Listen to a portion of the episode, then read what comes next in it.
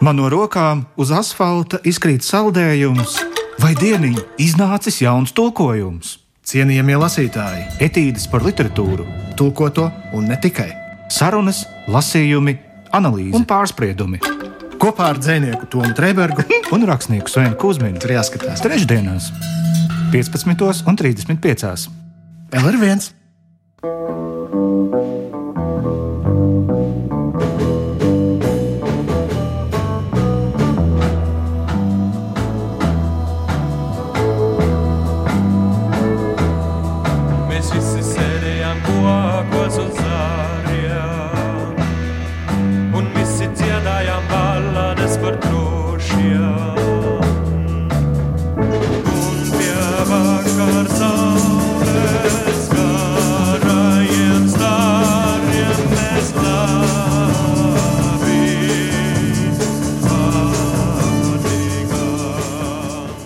Labdien, cienījamie lasītāji! Sveiki, sveiki! Nu pat dzirdējām dziesmu ar nosaukumu Mēs visi sēdējām kokos.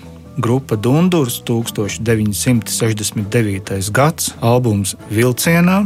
Vārda autors šai dziesmai ir Pāvils Johansons, kurš arī šajā grupā ilgadīgi muzicēja. Un par Pāvilu Johansonu arī šodien būs mūsu literārās sarunas.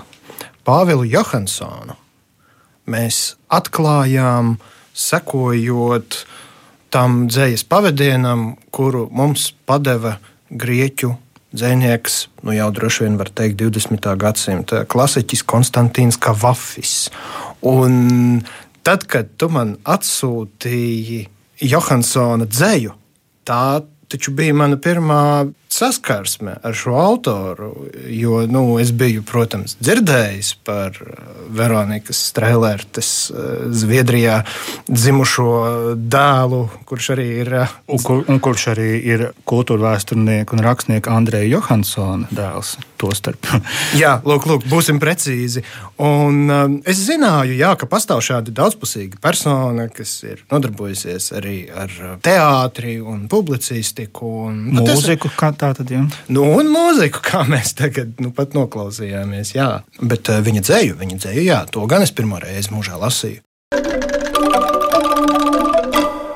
Izstāsti, kā tu pie tā nonāci? Tom? Nu, tas stāsts bija eh, sekojošs. Biju aizgājis eh, ciemos uz izdevniecību Neputns, kas arī šo grāmatu ir lēdus klajā, un Laima Slava. Tātad apgāde vadītāji. Mums bija, man liekas, sarunas par kaut kādām citām tēmām, kaut kādiem darba uzdevumiem. Un tad, kad jau bijām atrisinājuši visu, kas bija jāatrisina un izrunājuši, tad man prom ejot, viņa piepeši tā, it kā mums būtu bijusi kaut kāda saruna pirms tam, kura bija jānoslēdz. Viņa teica, ah, un tad paņem arī šo. Es domāju, pagaidi, bet tad es esmu kaut ko aizmirsis. Nu, mēs par vairākām grāmatām runājam, arī tur kultūras un rondo sakrā. Es saku, pagaidi, bet par šito mēs runājam. Viņa saka, nē, nē, bet tu paņem, jo um, nu, tas ir Johansons, un tad to arī paņem. un, Ak, tā. un es domāju, ok, labi. Un uh, jāatzīst, ka ne jau nu, šis ir pirmais raidījums, kurā mēs uzsveram grāmatu vizuālo noformējumu. Te atkal vēl viens uzsvērums tieši par to, kāda grāmata ir vizuāli izveidota. Tā tad dzīvoja krājums, paisums un bēgums, kas ir mūsu šīs dienas raidījuma galvenais varonis. 2016. gada grāmata uz vāka, uz melna, tumšpelēka fona ir tāda mēnesis, distortēta, izmainīta aprise un dzinieka vārds un krājuma nosaukums tādā bronzas mirdzumā. Tik mītiski, cik vien var būt, un līdz ar to arī, manuprāt, tā sasaukšanās ar Konstantīnu Kavafi, kur mēs abi piefiksējām, arī realizējas tieši šajā vizuālajā atveidā, manuprāt. Mēs jau iezīmējām Pāvila Johansona vecākus, tātad arī par Veronikas Strēlērtes dzējoļu krājumu žēlastības gadi bija viens no mūsu raidījumiem. To varat atrast eh, gan Latvijas Rādio LSM vietnē, gan arī mūsu podkāstā, Spotify un arī citās straumēšanas platformās. Un, um, Pāvils Johansons ir ieguvis filozofijas maģistra grādu Stokholmas Universitātē, strādājis vairākās skolās šajā pašā pilsētā un ilgus gadus vadījis Stokholmas Latviešu skolu. Un dzējā viņš debitēja 1967. gadā, tad, kad viņam ir 19 gadi. Tas ir, man liekas, ļoti labs vecums, tāds spēcīgs vecums. Man liekas, ka Henriks Elijas Zēgners debitēja 19 gados. Manuprāt, daudz, daudz agrāk. Par, tur vēl pirms 19. Jā, jā, jā, pirms legālā vecuma. Un debijas krājums, sudraba ceturksnis, tam seko pēc desmit gadiem otrā grāmata, patskaņi un līdzskaņi, un tad dažādas publikācijas, trimdas, laikrakstos. Un kas ir tāda interesanta nianse, ka Pāvils Johansons ir sastādījis latviešu literatūras vēsturi zviedru valodā un atzējojis arī tātad, mammas Veronikas Strēlērts dzējoļus krājumam zem augstiem kokiem. Tas iznāk 1981. gadā. Un tātad dzirdējām raidījuma sākumā grupu Dundurs. Tad, kad mēs ar tevi, Sven, abi piedzimām, proti, 1985. gadā, tad iznāk arī viņa pirmais un vienīgais solo albums, bet vēl Johansons ir muzicējis ar latviešu jauniešu roka grupu Saules brāļu. Tur arī Juris Kronbergs, starp citu, oh. ņēma dalību, un arī brāļi Graši. Un, jā, nu, jau no 60. gadu vidus sacerējis un izpildījis dziesmas ar Aleksandru Čaku, Veronikas Strēlēts un Eduardu Vēdenbaumu tekstiem.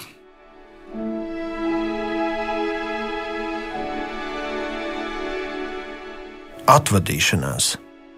Viņš drāzās pa šoseju ar 140 un līkumos, riepas kauca kā pusducis aizdurtu vilku. Atstātie bija apstājušies ceļmalā, rokas nolaiduši kā bēdīgi semafori. Egļu meži atkāpās no ceļa malas, baidoties kā no Ziemassvētkiem. Ar 150 viņš apbrauca savu spēju noturēties uz asfalta. Tieši pirms sadūrās ar kailu nirdzošu ceļa stabu, viņa dzīves neveiksmes parādījās kā žilbinoša panorāma saraustītā secībā. Melnbalti kailas, kā vecā mēmā filmā. Pie 160 nebija nekādu šaubu par reālām sekām. Skausts šķembās un iekšas ārpus ribām, tad varbūt kāds dievs viņa dvēseles atvēra, aizveda viņu atpakaļ uz bērnības pagalmiem, kur viņš spēlēja futbolu ar vecākiem zēniem, cerēja kļūt par profesionāli. Gavilis par viņa sapņainiem panākumiem netika ierakstītas viņa kapakmenī. Žānis mūsu vienīgais sapņotājs.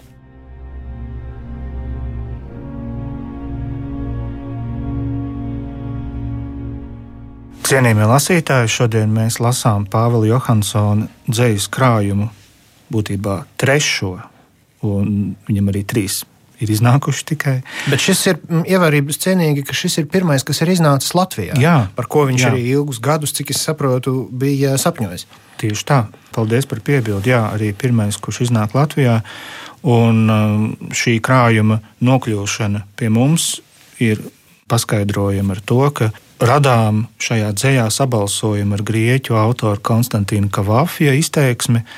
Un, manuprāt, viens no iemesliem, kāpēc tā notika, bija vienkāršība, kura Johansonam ir raksturīga.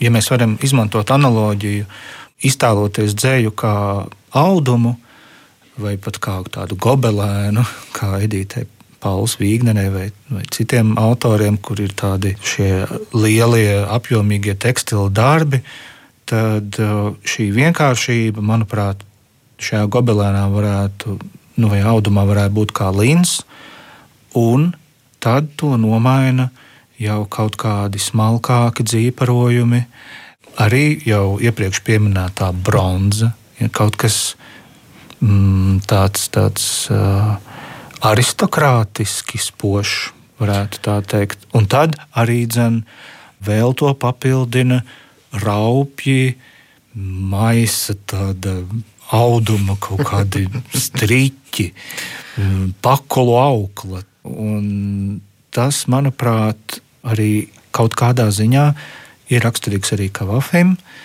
tikai mm, viņš šīs pārējas varbūt risina nu, tā egocentriskāk, introspektīvāk, vairāk uh, analizējot uh, nu, savu pārdomu, sajūtu pasauli, kamēr Johansons dara to pašu, tomēr vairāk novērtē apkārtni, apkārtējo pasauli, citu dzīvo būtņu pulsāciju.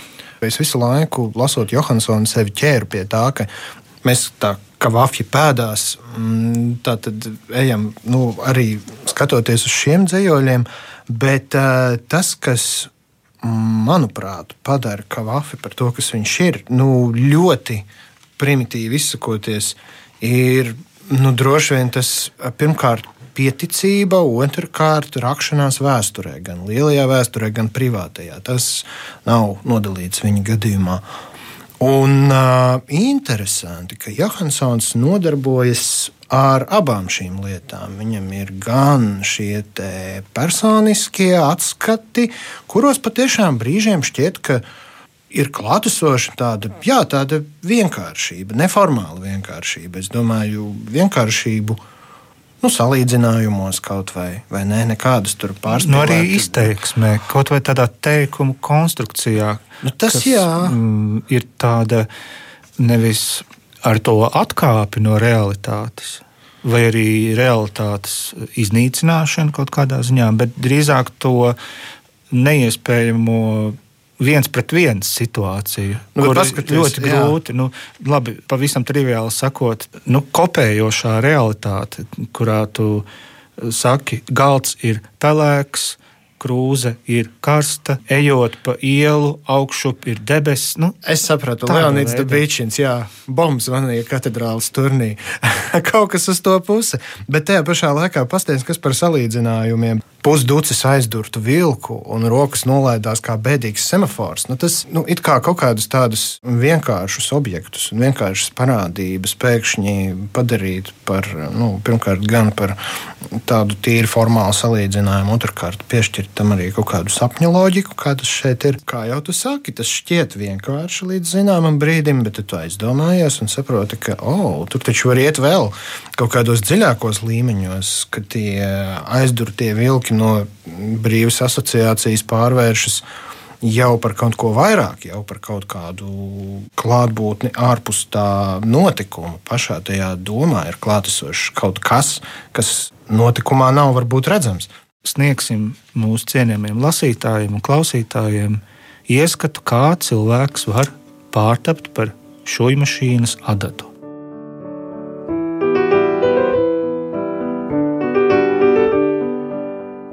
Šoja mašīnas adatas acis. Mana asā adata piemontēta mehānismā, kuru nepārvaldu. Diegi tiek vilkti caur manu šauro caurumiņu, manu aci, kas alaž atvērta. Dzeņa ātrumā veidoju baltšuvumus un vīles. Tas kādam, ko nepazīstu. Esmu tik rīks kādam valdniekam, bikšu valkātājam vai elegantai kleitu madāmai. Caur savu aci saredzu daudz ko, par ko priecāties. Jauna sieviete, kas grib uzšūt sev laulības kleitu, viņas diegi ir maigi un mīlīgi, kutina man sānus. Labprāt atļaujos sevi lutināt.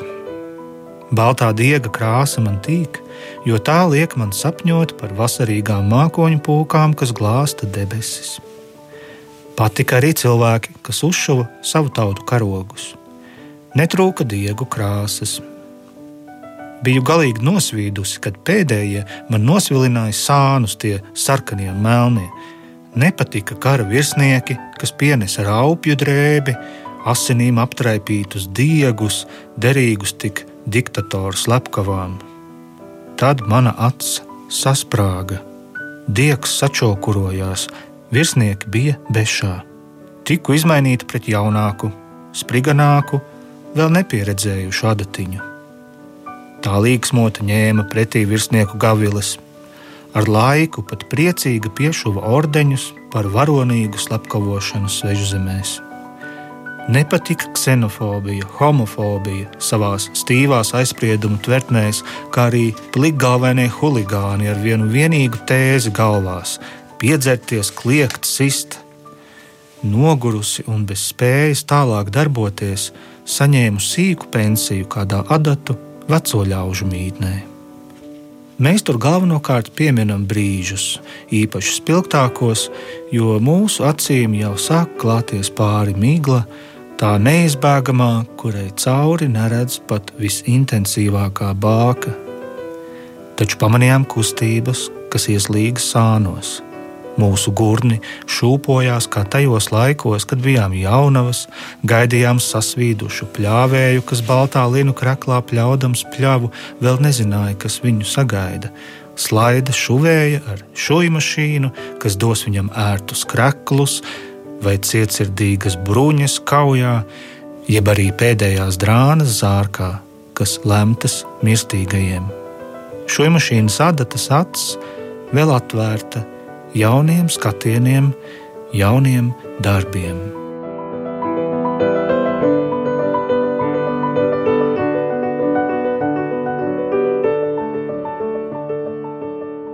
Tas, ko tu minēji par šo nokļūšanu pie vēstures caur priekšmetu vai priekšmetiem, uh, tas tiešām šeit ļoti precīzi izpaužas. Uh, man patīk, ka Johansons uh, ir pietiekami tiešs runājot gan par šiem diktatoriem, gan virsniekiem, gan sarkanajiem un melnajiem, un vienlaikus tur ir arī tā nosacītība.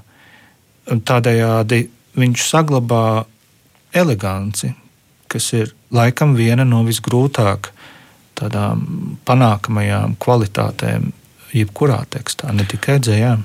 Nu, tu zini, tur ir kaut kas pareizi, tu teici, vai ne, par tiem linijiem un bronzām. Es tagad vizualizēju to raupjo maisa audeklu ar kaut ko ļoti smalku, kas tajā ir iausts. Un man šķiet, ka nu, brīžiem gandrīz vai naivi šķiet tie viņa kaut kādi gājieni, kur viņš saka, ka nepatīk man slepkavas, piemēram, vai nu, skatījos, slep, acis man sasprāga.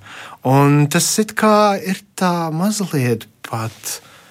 Es nezinu, bērnišķīgi kaut kādā nu, ļoti ziņā, tieši. Jā. Bet vienlaikus tieši tas kaut kādā veidā atbilst arī tādai, pirmkārt, jau uz iespējām balstītai domāšanai, kāda viņa nereti mēdz būt. Nu, un tad pēkšņi kaut kur šajos diezgan vienkāršajos izteicienos parādās kaut kas par to, ka pat visintensīvākā bāka neredz cauri tai aizmiglotajai acī. Un pēkšņi tas ir pateikts kaut kā tik poētiski un smagi, un es pat teiktu, diezgan netieši. Mani satricina droši vien kaut kādā ziņā tas kontrasts starp to absolūto naivumu no vienas puses. Un pēkšņi starp kaut kādām pilnīgi sapņainām asociācijām un kaut kādiem metafiziskiem salīdzinājumiem. Un, un, no tā visa rodas nu, izlasi vienu šādu dzīslu darbu, otru, trešo, pie kaut kāda piektā. Tu vairs neesi līdz galam pārliecināts, kas ir īsts un kas nav. Tas tā tikai šķiet, ka tā ir viegli uzrakstīt. Tā nemaz nav tas prasa baigo kaut kādu jūtu smalkumu, kaut kādu lielu atklātību pret sevi droši vien. Red sun on the horizon line. Ēnu spēles šis saucas. Mēs spēlējām kārtas un violas aiz pīpas dūmiem saldiem, pie satrunējušiem galdiem, izmežģījām ātras triolas Uz sienām rēgojās vieglas ēnas. Mēs ilgi tās slavējām, un ilgi mēs kavējām to kustības, lai tās kļūtu lēnas. Mēs dejojām miklainas dēļas, un ēnas saplūda vienā tajā gaiši zaļā dienā, kad bijām pazaudējuši sejas. Red sun on the horizon line. I am Jau tuvojoties diezgan krasi mūsu sarunas noslēgumam, ir jautājums, vai tu pamanīji, ka mm, šī grāmata ir dzējoļu izlase, nevis krājums. Jo es to atklāju tikai būtībā diezgan ilgu laiku, jau pēc iepazīšanās ar pašiem dzējoļiem, izlasīju Jāņa Rokpēļņa priekšvārdu. Izrādās, jā, jo šajā krājumā ir Eh, nu, tātad izlasē ir apkopoti gandrīz 50 gadu laikā radīti dzējoļi. Tu to kā sajūti, vai tev likās, ka tas ir uh, tomēr apzināti veidots krājums? Tas tu gan man pieķēri. Es vispār, nu, kā tur zem katra dzējoļa ir gada skaitlītis. Un es uz to skatījos pilnīgi neredzošām acīm. Es arī kaut kā jocīgi. Viņi tur visu laiku bija, un es vēl paskatījos, ah, 1968. Es viņiem tiešām nepievērsu uzmanību. Absolūti. Nē, nu, tas jau, protams, ir labi, ka mēs pārvaram visādas tādas muļķīgas nosacītības kā laiks, vai ne? Jo kur tas interesē? Bet tādā gadījumā man būtu interesanti, pēc kāda principa šī izlase ir kārtota. Nu, pats autors to raksturo šādi. Viena no iezīmēm krājumā ir mana personīgā, humanistiskā un pēc manām domām tolerantā nostāja dažādos sabiedriskos jautājumos, īgnums pret diktatorisku virskundzību, kā arī pret bezjēdzīgu huligānismu un šaurprātīgo ksenonu homofobiju, un citi motīvi sakņojas bērna un jauniešu skatījumā, kā arī ikdienas vienmulībā un trauksmē, opozīcijā pret vieglprātīgu piemērošanos. Cienījamie lasītāji, paisums un bēgums. Tu vispār atceries, kurš ir kurš? Man šķiet, ka tas, nāk virsū, bēg, tas iet prom. Un paisums, à, un paisums nāk virsū. Jā, okay, jā, jā. Okay. Šodien mūsu grāmata uz galda stāv bija Pāvila Johansona dzējoļu izlase, bet kaut arī tā, mēs tomēr arī to varam saukt par dzējoļu krājumu, paisums un bēgums 2016. gadā iznākušo grāmatu noteikti vēl varat atrast kādā plauktuvē. Noteikti. Un ar to arī noslēdzam mūsu pavadienu meklējumus, Jā. kurus mums deva tulkotājs Dens Dimiņš. Vispirms Matijas Enāra kompass, tad Mirds Bendrupe, tad Konstantīns Kavafis un visbeidzot Pāvils Johansons. Den, paldies tev par tiešajiem un netiešajiem atklājumiem. Vēl ieklausīsimies grupā Dundurs kurā spēlē Pāvils Johansons, arī viņa vārdi no albuma Zilais karuselis, dziesma, vējš, vārdu min. Un pēc tam gan bēgums.